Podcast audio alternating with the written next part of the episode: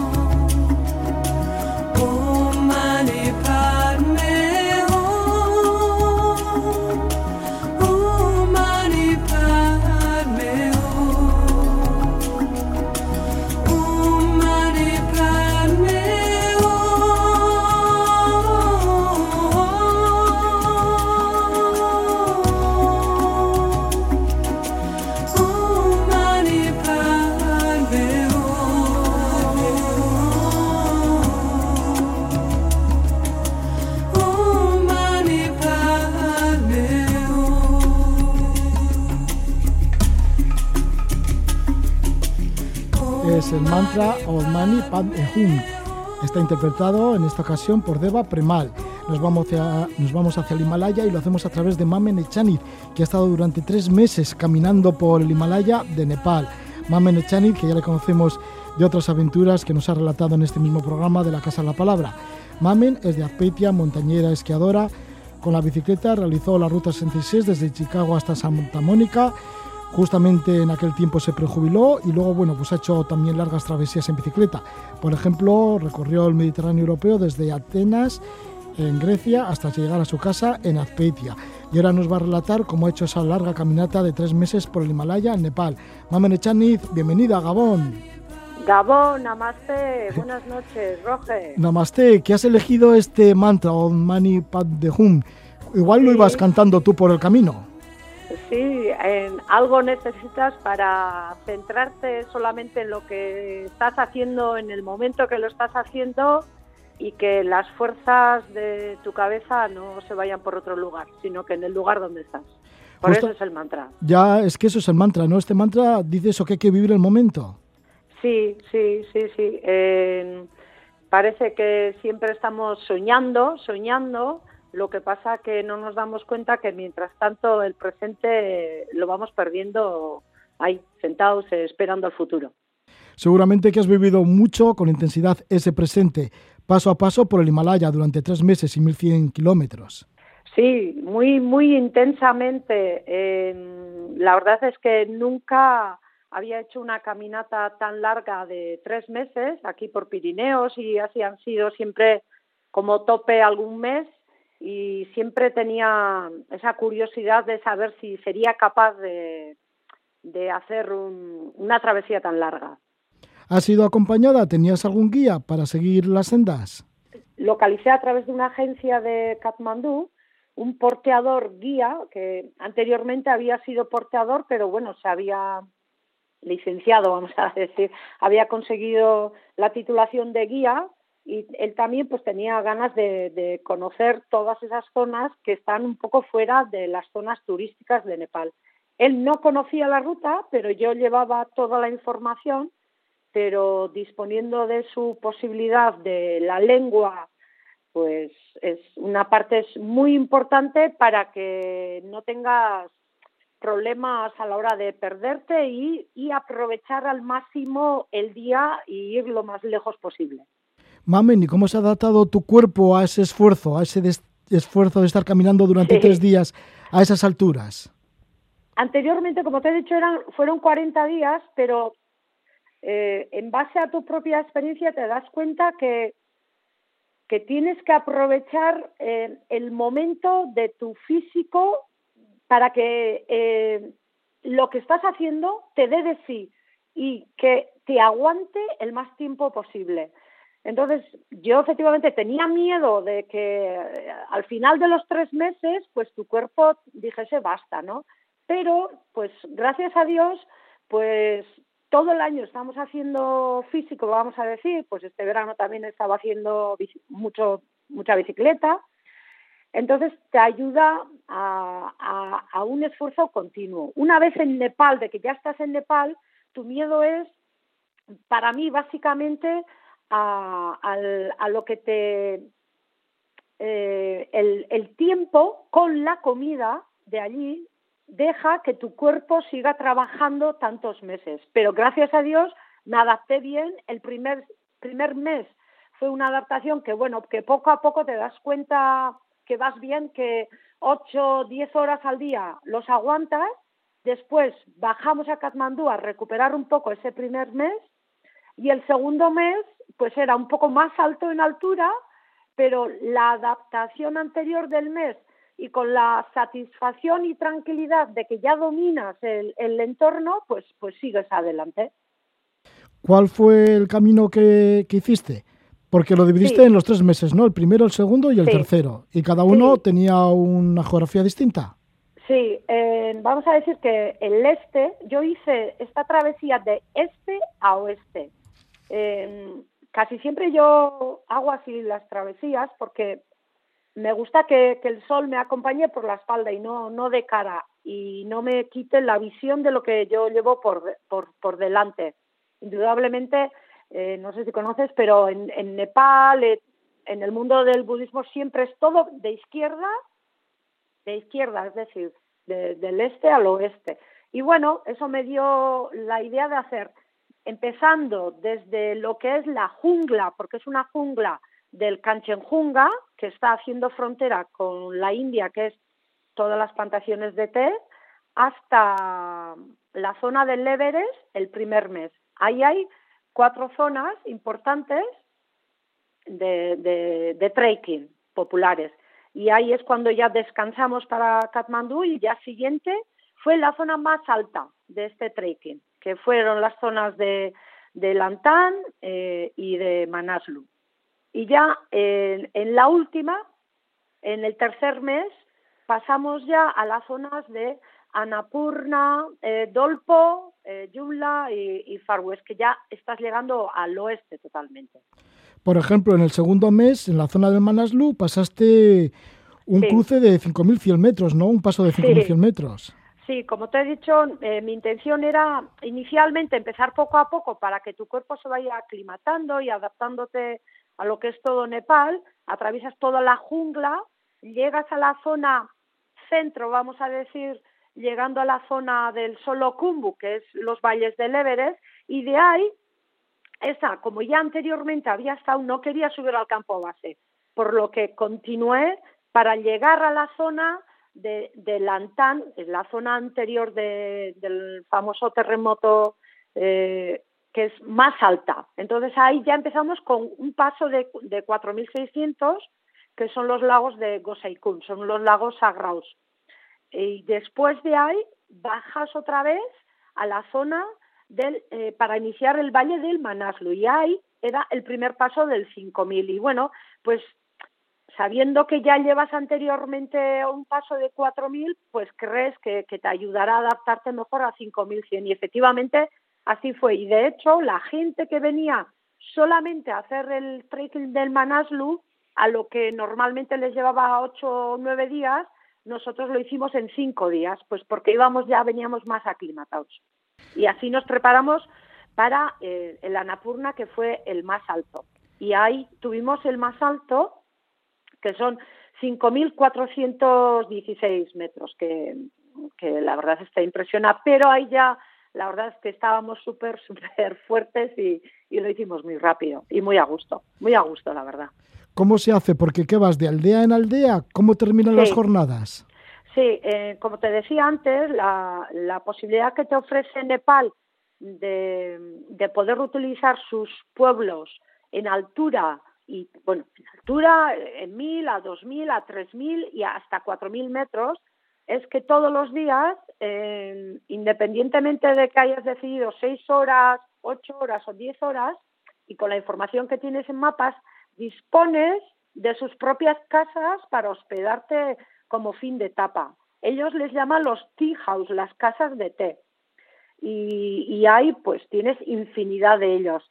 Independientemente que quizás en zonas que no están tan des- desarrolladas para el turismo no haya esos tea house, las propias casas locales, eh, pues eh, gracias a que llevaba con mi guía y bueno, pues eh, preguntabas, oye, pues que, que se nos ha hecho ya muy tarde y tenéis una habitación y la gente te abre la- las puertas de su casa felices de la vida para compartir eh, tu historia, su historia, su casa, su familia y, y su hogar, que, que al final es con lo que más te quedas del viaje, ¿no? Mamen, ¿y qué les contabas de tu historia? ¿De por qué estabas caminando día tras día durante tres meses por esas Bueno, montañas? Antes de que yo les contara, eh, ya estaban ellos con todas las... La verdad es que en casi todas las casas que llegas, lo primero, lo primero es la primera pregunta, hombre, ¿y de dónde venís? ¿Hasta dónde vais? ¿Pero qué venís? ¿Tú sola? Y no, no, viene mi guía por detrás. Ah, bueno, vale, de acuerdo. ¿Cuántos años tienes? ¿Y estás casada? ¿Y tienes hijos? Bueno, pues todas esas preguntas, todos los días es que son iguales, ¿no? Y es que es increíble, pero para ellos es su vida cotidiana, porque allí, aparte de la propia naturaleza, no hay nada más. Y si llega un par de turistas, bueno, una turista, una rubia y encima mujer, pues, pues, pues les choca. Pero les encanta y disfrutan el estar hablando tranquilamente. Y es una cosa que a nosotros se nos ha olvidado con el tiempo y es a estar parados en el monte hablando y ellos pues te hacen 20.000 preguntas, pero básicamente la conversación empieza de ahí, ¿de dónde vienes? ¿A dónde vas? Eh, ¿Cuántos años tienes? Y ya pues si encima dices que, que no te has casado, pues oh, pues ahí todos extrañados. Sí, y se extrañan también de que vengas tantos días caminando. Sí, sí, sí, sí. A ver, están acostumbrados que la gente pues que, que te haga pues el trekking del Everest y 8 o 10 días. Te puedo contar que cuando llegué a Katmandú y fui a, a emitir el visado, pues eh, en, en el aeropuerto le dije pues de fui con un ticket de una máquina y le dije para 90 días y me miró a la cara y me dijo 19 days, en 90 días. Y sí, y, pero de trekking, sí. La siguiente pregunta me hizo, ¿y cuántos años tienes? Y le dije, ¿y por qué? Y no, es que hay que estar fuerte para poder hacer los 90. Y le dije, bueno, pues ya veremos. Yo por si acaso lo pago de adelantado, no vaya a ser que luego me quede sin días para andar aquí. Y, y así fue. Bueno, y así fue, y así has hecho durante tres meses Sí. esa caminata. ¿Y, y alguna vez te desorientaste? Digo, que no encontrabais bien el camino o que has tenido alguna caída. ¿Hubo algún suceso Sí. de estos? Sí, bueno, eh, con la experiencia de, de la vez anterior, eh, mi lema era ir lo más ligera posible y lo más rápida posible. En el primer mes, que fue octubre, pues eh, había mucha humedad de calor, básicamente en lo que fue la jungla. Y ahí sí hubo días que nos costó eh, localizar, eh, vamos a decir, el camino más corto, ¿no? Llevábamos mapa, GPS y, y su propia información local con la gente. Y ahí sí tuve dos caídas las típicas de resbalones en el bosque, patas arriba, él también, el guía, pero gracias a Dios pues pues pues no pasaron mm, a más, ¿no? Pero sí que el GPS nos ayudaba a cuan- en el momento que estábamos perdidos eh, sabíamos a través de la pantalla dónde estábamos y de esa manera nos orientábamos para no perder tiempo y eso ha sido pues muy importante y al mismo tiempo eh, utilizábamos este GPS para mandar una posición local de yo dónde estaba porque claro yo con mi cabeza pues iba segura y a gusto pero en mi casa decían esa dónde estará y dónde estará perdida no y eso hacía un lazo de unión con Euskadi y Nepal para que la gente me, me siguiese, ¿no? Bueno, pues ya estás de nuevo en casa. Bueno, justamente Sí. ahora no estás en Peñas, estás en Jaca, que también tienes casa, porque te Exacto. gusta tanto la montaña y el esquí y el Pirineo, pues que te encuentras ahí. Pues muchísimas gracias, Mamen Echaniz, por compartir este rato con nosotros esta noche aquí en la Casa de la Palabra. Mamen Echaniz, que es de Un Azpeitia. placer. Y- sí, y que has estado esos tres meses recorriendo 1.100 kilómetros, caminando y 76.000 metros de desnivel, 1.000 metros por día en 70 días, que ha sido la caminata. Esto ha sido ahora y anteriormente sí que también estuviste caminando 40 días. Esto fue en el año 2009, en el que hiciste el campo base del Everest y el campo base de la Annapurna. Pero esta vez te has emocionado y has hecho mucho más todavía. Bueno, pues muchísimas gracias, Mamen Echaniz, por esta conexión. A ti, Dere Dere, Dane Bat, como dicen ellos. Eh, Dere Dere es muy, muy, muy agradecida de que siempre estás ahí y estás con todos nosotros en nuestras cabezas viajeras. Agradecida a ti, Mamen. Namaste, Roge, un beso. Namaste.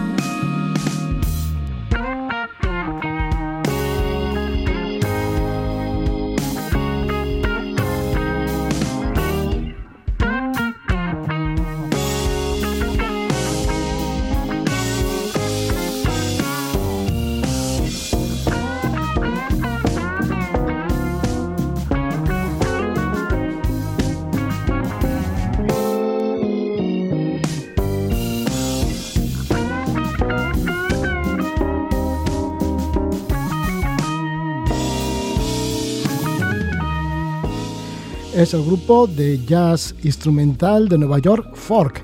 Ahí están explorando sonidos y hablando de exploradores vamos a ir con uno de los más grandes como es Ramón Larramendi, que desde muy jovencito realiza expediciones de gran talla internacional por los hielos, tanto de Ártico, del Ártico como de la Antártida.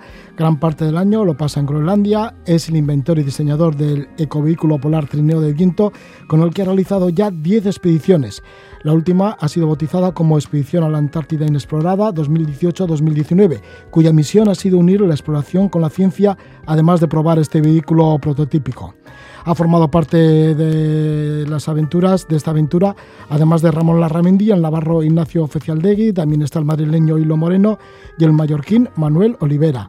Ha sido una travesía antártica de 2.568 kilómetros con cero emisiones, llevado por la propulsión tan solo del viento. Han querido ascender al domo Fuji, cuya altura máxima es de 3.810 metros hay en la Antártida, y en la travesía pues, han trabajado en 10 proyectos científicos, tanto nacionales como internacionales. Tenemos el gusto de presentaros a Ramón Larramendi. Ramón, buenas noches. Hola, buenas noches, Roge, ¿qué tal? Muy bien, bueno, pues que habéis soportado temperaturas bastante, bastante bajas, como era de esperar ahí en la Antártida.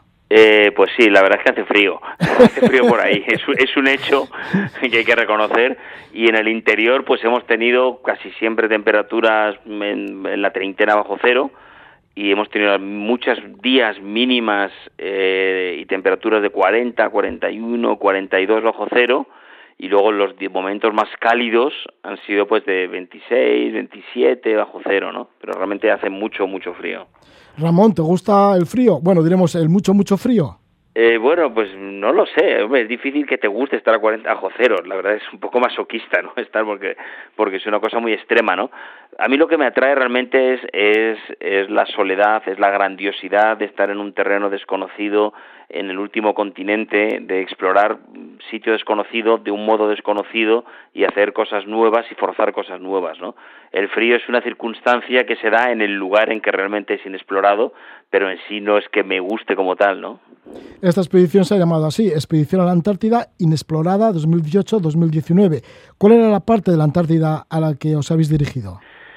Bueno, pues esta vez no hemos ido a un... Queríamos hacer una expedición con un marcado carácter científico. Hasta ahora hemos desarrollado el trineo de viento, eh, su potencial como, como vehículo, no como ecovehículo. Pero aquí queríamos, y hemos, en Groenlandia hemos desarrollado su carácter científico, pero en la Antártida todavía no lo habíamos hecho, ¿no? Entonces, por, por tanto, hemos buscado un objetivo que no sea como un punto mm, simbólico, es decir, no hemos ido al polo sur geográfico, ni al polo sur de inaccesibilidad, ni, ni algún punto, sino que queríamos explorar una parte de la Antártida Oriental próxima al polo sur, al polo de inaccesibilidad, y es la zona que está alrededor del domo Fuji. El domo Fuji sería la segunda elevación, no se puede hablar que sea una, una cima, porque eso, eso es un domo, es increíblemente plano, eh, es- sería la segunda zona más elevada del interior de la Antártida. La primera es el llamado Domo Argus, que mide hasta 4.075 metros de altitud, y la segunda es el Domo Fuji de 3.810 metros. ¿no? Entonces queríamos hacer, primero, una expedición circular. Queríamos demostrar que con el trineo es posible ir y volver del mismo punto al mismo punto de partida, ¿no? Y a la vez explorar esta, este área muy poco explorada alrededor del Domo Fuji y donde se encuentran algunas de las zonas donde hay menos viento de toda la Antártida, mayor altitud y menos viento, ¿no? Entonces era un era un reto geográfico que por no tener un, una cosa simbólica, pues realmente eh, bueno, pues es una zona absolutamente desconocida. ¿En el Domo Fuji está una estación antártica japonesa? En el Domo Fuji se encuentra una estación antártica japonesa temporal en verano, es decir, los, los japoneses van, ¿no? Entonces nosotros eh, hemos, no hemos ido a la base japonesa, hemos pasado 25 kilómetros de la base al norte de la base de la base antártica japonesa. Cuando estábamos no había nadie y tuvimos unas condiciones increíblemente buenas de viento para, para cruzar. Entonces, bueno, pues el domo es una extensión amplia, ¿no? Serían unos 30, 40 kilómetros realmente en lo que sería como la cima del domo. Entonces, bueno, pasamos a 25 kilómetros al norte, o sea, cruzamos el domo Fuji 25 kilómetros al norte de la estación japonesa que tiene el mismo nombre. Esto era también para poner a prueba en esas altitudes al trineo de viento. Efectivamente, como he dicho, la parte había varios desafíos en la expedición, ¿no? Estaba el desafío geográfico, el desafío técnico y el desafío científico. El desafío geográfico era, por una parte, eh, lo que he hecho es ascender a, a tamaña altitud con los problemas que había y hacer una ruta de ida y vuelta, lo que antiguamente se conocía como el tornaviaje, ¿no? Ir y volver al mismo punto por la zona de menos viento de la Antártida y mayor altitud que era, era en sí un desafío. De hecho, había mucha gente antártica que nos decía que, que no tenían claro que fuéramos a tener viento y luego a la vez el viento tiene mucha menos sustentación para las cometas, ¿no? Es decir, es mucho más fino el viento, tiene menos densidad, ¿no? Entonces tira menos. Con la cometa tiene mucha menos fuerza, ¿no? Entonces, bueno, ese era uno de los uno de los retos importantes, ¿no? Que ha sido, bueno, pues un un éxito, es decir, no nos ha costado, es decir, no ha sido fácil la ruta, precisamente por esa falta de viento y direcciones que no eran favorables y hemos tenido hemos tenido que sudar realmente para hacer el para hacer esta esta vuelta no y mm, cruzar la zona que se encuentra próxima a Domo Fuji al sur de Domo Fuji que hemos bautizado como el mar de la tranquilidad que es la zona más plana del interior de la Antártida y por lo tanto no hay viento. Y luego la zona cuando hemos atravesado el Domo Fuji no esa ha sido una zona realmente prácticamente sin eh, sin viento, pero bueno, lo hemos conseguido, hemos demostrado que incluso con el tren de viento, incluso en la zona donde existe menos viento de todo el continente, es perfectamente posible navegar y no solo navegar, sino ir a donde tú quieres. ¿Qué hacíais en los momentos de calma los cuatro expedicionarios? Bueno, eh, como he comentado antes, el, el, había una parte que era el desafío geográfico, luego estaba el desafío científico, es decir, nosotros no íbamos solamente a recorrer esta zona, sino que íbamos a hacer una multitud de trabajos allí.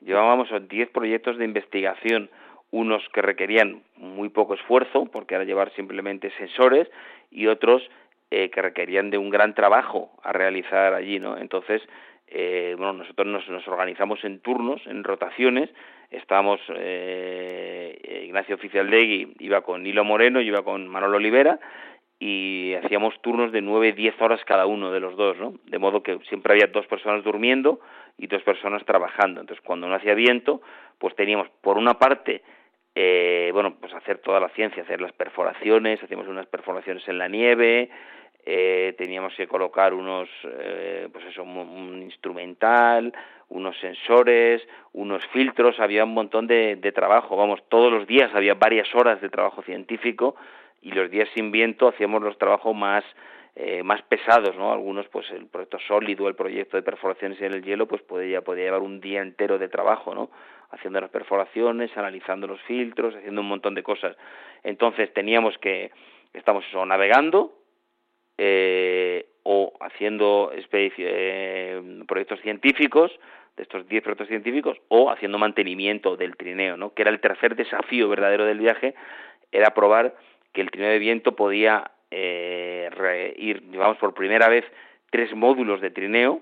En la Antártida nunca habíamos ido con tres módulos y teníamos un poco de incertidumbre si iba a funcionar bien con los Astrugi, con las irregularidades del, del interior, este trineo, y nunca habíamos llevado tanta carga. Íbamos con 2.000 kilos de peso. Es decir, que no era ya un, el trineo ligero como el primero en el que cruzamos la Antártida en 2005, que pesaría en total unos 650, 700 kilos.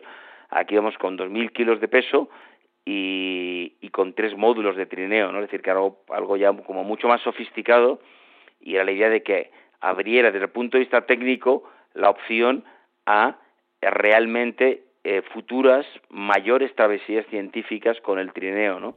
Y nos ha quedado claro no solo que se puede llevar 2.000 kilos de, de peso y tres módulos de trineo, sino que podría llegar a tener un cuarto módulo perfectamente como ya hemos hecho en Groenlandia y que con seguridad podemos arrastrar de 2.500 kilos y yo soy optimista y pienso que el trineo puede, su techo probablemente va a estar en los 3.000 kilos, alrededor de los 3.000 kilos de carga, no los 2.500, ¿no? Por, muchas razones, porque en algunas zonas hemos llevado un montón de nieve a bordo y, y bueno, eso todavía está por definir cuál es el, el techo máximo, el potencial máximo de carga del trineo. Yo creo que al menos 3.000 kilos y eso ha quedado demostrado mediante esta expedición. Con tres módulos de trineo es como una especie de pequeño tren que cruza la Antártida, ¿no? ¿Y, en qué está dividido estos módulos? Porque hay habitáculo, hay laboratorio, bueno, lleváis, claro, un lugar está muy marcado, muy definido, los tres módulos diferentes, que son, el primero es el, la cabina de pilotaje, eh, con una tienda especial que de hecho ha sido desarrollada ahí en, en Zaragoza por, por Altus, bueno, casi todo el equipo ha sido desarrollado por, por Altus en Zaragoza. Entonces tenemos eh, una cabina de pilotaje que sirve como protección cuando se está navegando. Eh, es una segunda tienda donde el equipo que está despierto pues puede trabajar. Ahí tenemos una oficina también, es, oficina, es taller y, es lugar donde estar cuando se está parado y, y, en la cabina, en la tienda de habitabilidad está durmiendo. Entonces, la primero es llevamos el tractor, la locomotora, donde está esta cabina de pilotaje eh, oficina-taller, ¿no? Luego tenemos el segundo trineo, que es el trineo de, de, carga. Entonces ahí llevamos toda la carga en el trineo. Es el trineo que más pesa de todos y lleva todo el, todo el cargo. y luego el tercero es el, el trineo de habitabilidad, que es el único que es un poco más grande. Los dos primeros miden tres metros y medio de largo, eh, haciendo siete metros en conjunto, y el último mide cuatro metros. Y llevamos una tienda, que es la tienda de la habitabilidad, donde más o menos caben de un modo bastante confortable cuatro personas, ¿no? Y las tiendas son increíblemente eh, calientes, ¿no? Están, están mm, diseñadas para optimizar el efecto invernadero, porque hay que tener en cuenta que en la Antártida hay 24 horas de sol, ¿no? De modo que si hace sol, lo normal es que en el interior de la tienda hiciera 40 grados más que en el exterior sin encender ningún fuego ni hacer nada, únicamente por la capacidad de la tienda para optimizar el efecto invernadero, ¿no? De hecho, llevamos grandes zonas transparentes para que el sol entre y sea pues como un invernadero de verdad, ¿no? De, y bueno, y todo ese conjunto pues eh, bueno, pues realmente es que funciona funciona muy bien, ¿no? Entonces, bueno, cabría todavía un segundo trineo de carga o un segundo trineo científico, ¿no? Formando con cuatro módulos, que sería como el yo creo que es el diseño futuro científico es en cuatro módulos, pero bueno, aquí no nos atrevíamos a hacer el salto de dos módulos a cuatro módulos sin haber pasado por tres módulos, ¿no? Nos parecía que era importante eh, bueno, ir de un modo gradual. Todo ello, por supuesto, ecológico, con energías limpias, ese efecto invernadero, más luego, pues tirados por el viento en el trineo de viento. Mm, ¿Cómo se ve desde el trineo de viento la Antártida? ¿Cómo va pasando la geografía de la Antártida? Eh, bueno, claro, tú estás en el interior, el plató, que es realmente una extensión, es como un mar de hielo de millones de kilómetros cuadrados, miles de kilómetros, es decir, es, es una gigantesca extensión, ¿no? Entonces, bueno, el trineo obviamente es, es realmente, es como una cosa tremendamente simple, tremendamente eficiente y tremendamente limpia, ¿no? porque realmente es como, es imposible eh, desplazarse por el territorio de la Antártida de un modo más simple y más limpio que con el trineo. Es decir, no es posible. Materialmente es así, ¿no? Es una auténtica pasada. Y eh, obviamente el- al principio todo te parece igual, ¿no? Cuando tú llegas al interior del continente, pues todo parece lo mismo, todo parece que sea eh, que no haya diferencias, que es un blanco. Cuando tú vas pasando los días, eh, todo se llena de matices, ¿no? Provocados primero por la por la luz, es decir, el sol puede estar más alto, puede estar más bajo y eso marca unas diferencias y luego porque el terreno nunca es exactamente igual, unos días hay muchos astruguis, otros días hay poco, hay zona venteada, zona de nieve en polvo, o sea, va adquiriendo una tremenda riqueza eh, la plataforma, ¿no? La, la nieve y la, y la planicie del, del plató antártico, ¿no? Entonces, bueno, yo creo que es el sistema, eh, me atrevo a decir, más óptimo, ¿no? Para, para realmente atravesar esta gigantesca extensión del interior de la Antártida, que es difícil hacerse de la idea del, del tamaño que tiene, ¿no? ¿Cómo es entonces el efecto visual? Porque estar en un desierto todo blanco, bueno, que no es tan desierto, porque ya has dicho que tiene sus planicies y demás. Sí, bueno, no es evidentemente es un desierto, lo que digo, al principio te parece todo igual, luego luego te deja de parecer todo igual porque encuentre, empiezas a encontrarle matices, ¿no? A todos estos a todos estos blancos, a todas estas formas que genera el viento en el en el hielo, ¿no? Pero eh, a veces hay pequeñas pequeñas pendientes, pero por lo general pues es, es realmente bastante bastante blanco, ¿no? Entonces bueno, pues tú te sea, bastante plano, entonces bueno, pero tú te sientes ahí, yo me siento como eh, la sensación eh, de estar realmente, pues eso, en el fin del mundo o en el, en, o de encontrarte en la superficie de, de otro planeta, ¿no? Yo siempre nos imaginamos que estábamos no ya en la Luna, porque la Luna tiene mucho más relieve, ¿no? Sino como a lo mejor en alguna de las lunas heladas que hay de Júpiter o por ahí, ¿no? En un- realmente en otra realidad totalmente distinta a la realidad de nuestro querido planeta Tierra. ¿Se dan muchos botes una vez que vas en el trineo de viento por la orografía de lo que es la Antártida? Se dan botes, se dan botes. Eh, evidentemente ese es uno de los problemas. ¿Y por qué es uno de los problemas? Es porque, claro, la orografía, eso en pocas zonas es plano. En general hemos tenido un terreno mejor del que esperábamos, pero por supuesto ha habido miles de sastruguis. Entonces, eh, tú tienes que regular la velocidad. A veces hay gente que nos pregunta, pero puedes ir muy rápido. No, tú podrías ir muy rápido. Lo que pasa es que no quieres ir rápido. ¿Por qué? Porque al no tener una amortiguación adecuada y siendo, es como ir por, ir por un canchal de piedras, ¿no? Pues, pues evidentemente tú no quieres ir rápido por un canchal de piedras, aunque vayas con un coche, ¿no? Con un gran amortiguación, tienes que ir muy despacio porque porque si no los golpes son tremendos, pues aquí es un poco lo mismo, tú quieres ir quieres ir despacio para que los golpes sean lo más adecuado, lo más moderados posibles. Sobre todo porque tener en cuenta que nosotros dormimos en marcha. Es decir, el equipo, se, la rotación se divide en dos, en dos equipos y uno de los equipos está durmiendo. Entonces, eh, además de que si vas rápido, los, la violencia es brutal, se pudiera romper partes del trineo que no interesa nada y los que tienen que descansar pues probablemente no puedan dormir en absoluto y de hecho uno de los problemas del trineo que tenemos que resolver es cómo eh, mejorar el descanso, ¿no? Porque muchas veces eh, la violencia es fuerte y no es fácil dormir ni por tanto descansar bien para empezar una nueva jornada al día siguiente.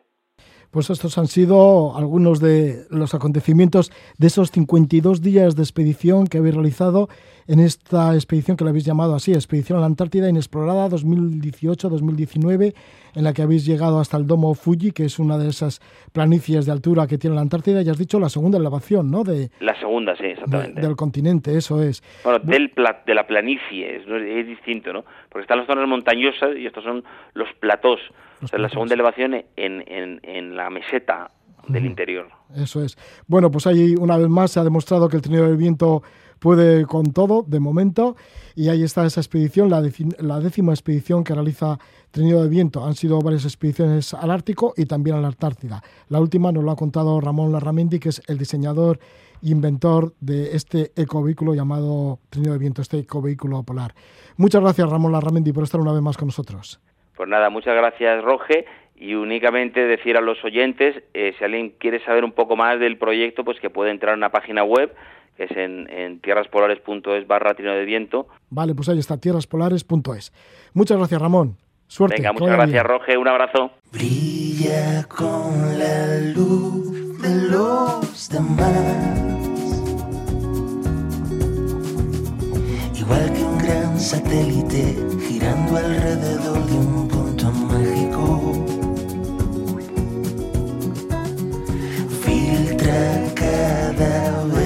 y viaja a toda velocidad. Teniendo las moléculas de todo lo que habita en nuestro espacio gris. Porque iba a querer arreglar algo que debe estar roto si quieres seguir existiendo en el mundo real. Las olas que apuntan más lejos bailan sobre un terremoto,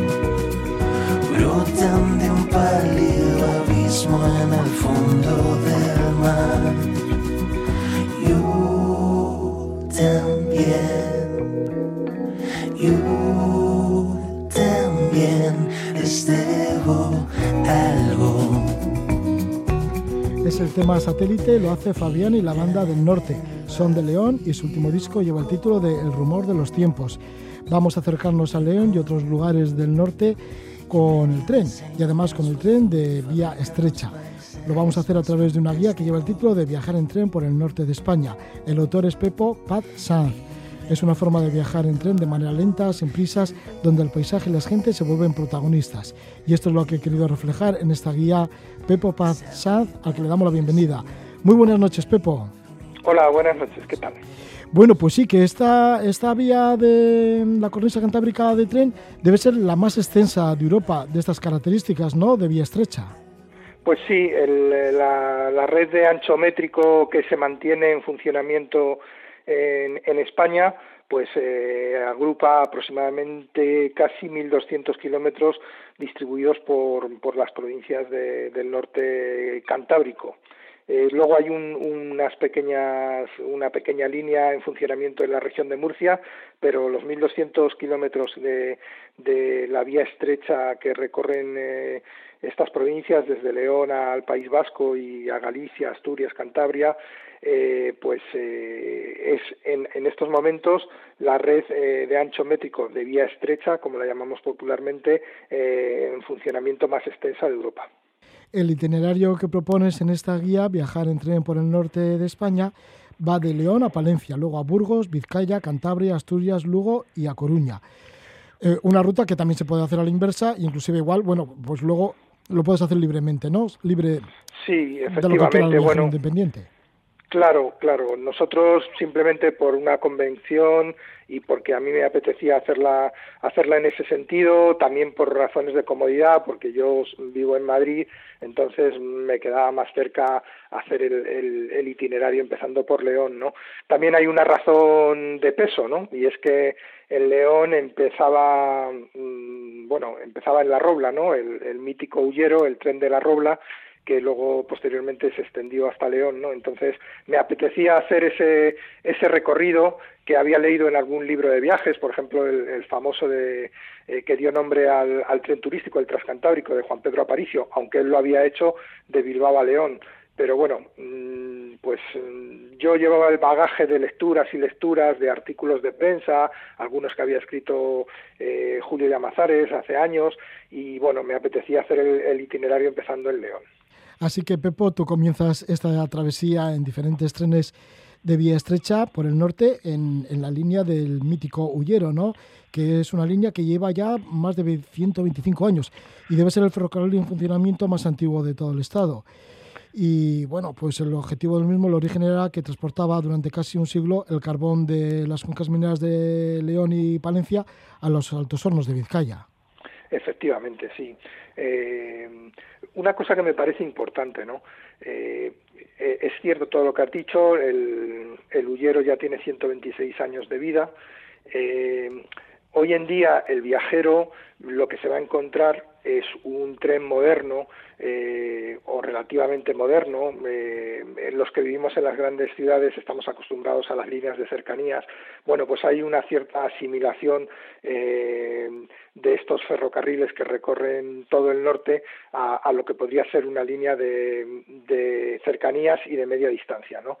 En el caso del Ullero, pues mm, hasta localidades como Cistierna e incluso hasta Guardo funciona como un cercanías y, y luego de Balmaseda hasta Bilbao pues los que sois de ahí lo conocéis perfectamente funciona como un auténtico cercanías no Eh, eh, eso es lo que te vas a encontrar no en la mayoría de las líneas. No vamos a estar pensando en vagones de, de los años 30 etcétera etcétera. Estamos pensando en convoyes eh, normales, donde lo bueno que tienes es que pues te vas a encontrar con muchos paisanos, paisanas, puedes charlar con ellos eh, y puedes hacer el viaje a tu medida.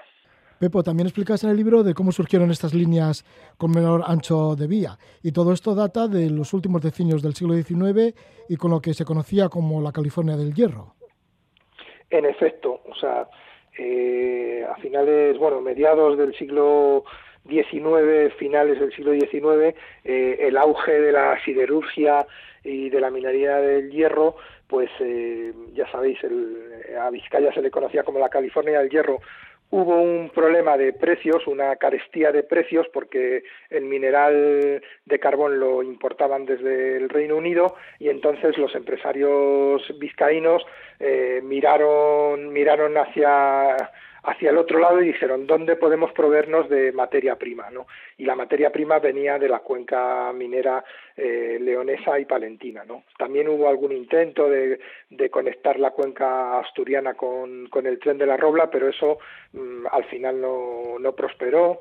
Y, finalmente pues eh, es lo que explica el enorme desarrollo. Cuando uno eh, se documenta pormenorizadamente eh, de cómo era cómo, cómo fue el desarrollo de, esa, de, esos ferrocarriles de vía estrecha pues se queda sorprendidos porque simplemente en Vizcaya pues había un montón de líneas que luego pues algunas sobrevivieron otras sucumbieron al paso de los años pero mm, básicamente mm, el Euskotren hoy funciona por la plataforma que, que, se puso en marcha en aquella época eh, en el tramo que va de Bilbao a Bermeo y en el que va de, de Bilbao por, por, la costa guipuzcoana hasta Donosti. O sea que, que realmente cuando estamos montando esos trenes eh, modernos de a día de hoy, estamos haciendo un recorrido de hace 120, 130 y 150 años.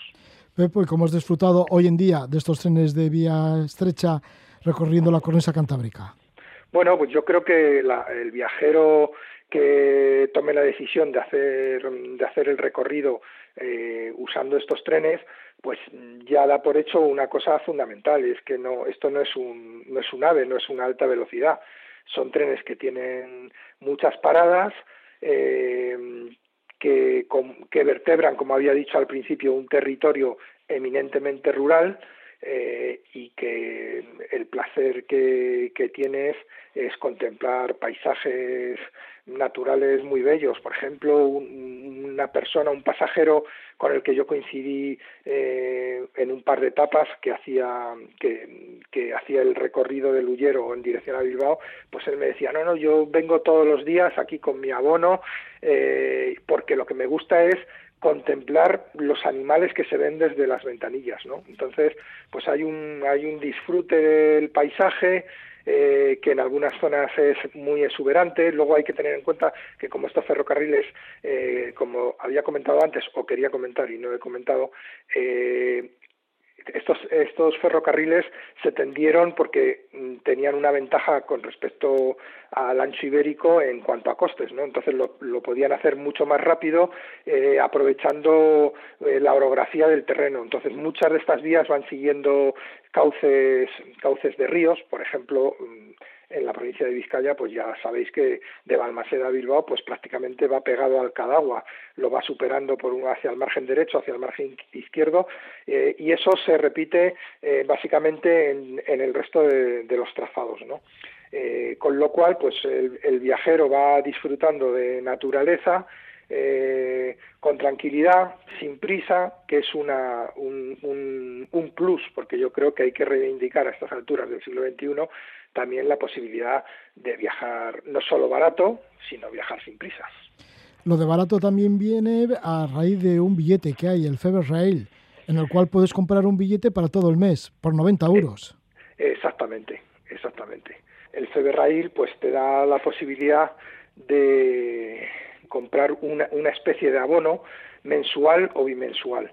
Eh, el mensual cuesta 90 euros, el bimensual cuesta 146 euros y eh, con él puedes subir, bajar, eh, retroceder, adelantar, bajarte un día, decidir pasar cuatro jornadas en Bilbao y luego continuar el viaje, etcétera. ¿no? Es, es una de las ventajas que nadie se va a quedar sin viajar en la vía estrecha por dinero. Sí, este abono de Feberrail, un billete para desplazarse a bordo de toda la línea de trenes de cercanías y también re regionales. Esos 90 euros para 30 días y 146 euros por 60 días. En la guía también aparecen cinco ciudades, que las describes bastante bien y dices los lugares que se pueden visitar y demás, como son León, Bilbao, Santander, Oviedo y Gijón. Sí, porque bueno, el, la ventaja que, tienen est estas líneas de vía estrecha eh, cantábricas, como tenían una utilidad inicial que hemos dicho que era la de transportar el carbón eh, o la de buscar el, intercambio comercial, en el caso de Asturias, pues la expansión eh, regional hacia Cantabria y de Cantabria hacia Bilbao, eh, Vizcaya y la frontera francesa, ¿no? Bueno, pues, pues la particularidad que tienen es que unen estas cinco capitales eh, provinciales y con todo lo que con todo lo que supone de, de patrimonio, de historia, de turismo, eh, de diversión, de gastronomía, etcétera. ¿Puede desaparecer con el tiempo todo este patrimonio de este tipo de ferrocarriles? Bueno, yo creo que es un son, son, animales en peligro de extinción, ¿no? Si, si vale la metáfora, ¿no? Porque hoy en día eh, se busca mucho eh, la rentabilidad como criterio y lógicamente excepto en las, en las en las partes más próximas de las líneas a las grandes ciudades donde como he dicho al principio el tren funcionaba un po funciona ahora mismo un poco como transporte de cercanías eh, pues luego hay largos tramos cuando por ejemplo el Ullero cuando va más allá de la montaña palentina, se acerca hacia el embalse del Ebro y atraviesa las merindades burgalesas, pues eh, hay tramos en el que, pues eh, dependiendo de la época del año, casi vas a, viajar solo. Yo lo hice el recorrido el año pasado eh, en los meses de diciembre, enero y febrero y había tramos que, que iba solo, ¿no? Entonces, pues tiene, tiene ese peligro. En cuanto a nivel patrimonial, pues hay una serie de centros de interpretación, de museos, que están ubicados en las proximidades o en, en algunas de las estaciones más importantes de, del recorrido y bueno pues ahí sí se ha hecho una labor de, de, conservación y de divulgación de lo que de lo que era el tren y lo que supuso en su momento para todas esas localidades. Nos habla Pepo Pazaz, autor de esta guía Viajar en tren por el norte de España. Pepo, que lleva 20 años ejerciendo de periodismo de viajes, editor de Bat Levy, una editorial que publica sobre todo poesía, además de narrativa y ensayo, y desde el año 2015 pues estás como autor de guías de Anaya Turing. Además de esta de viajar en tren por el norte de España, pues también tienes publicado 101 destinos de España sorprendentes o los mejores destinos para observar el cielo de España. Muchísimas gracias, Pepo Paz Sad, por estar con nosotros y que vaya bien con esta guía de viajar en tren por el norte de España. Muy bien, pues ha sido un placer compartir con vosotros este rato ferroviario. Hemos rescatado del archivo de la Casa de la Palabra tres entrevistas. La primera con Mamen Echanit, que nos ha narrado cómo fue su aventura de recorrer el Himalaya de Nepal durante 70 días.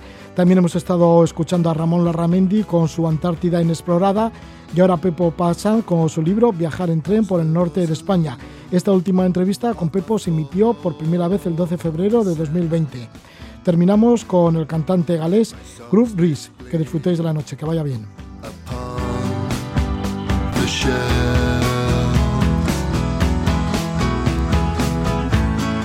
Remember this one caused me grief.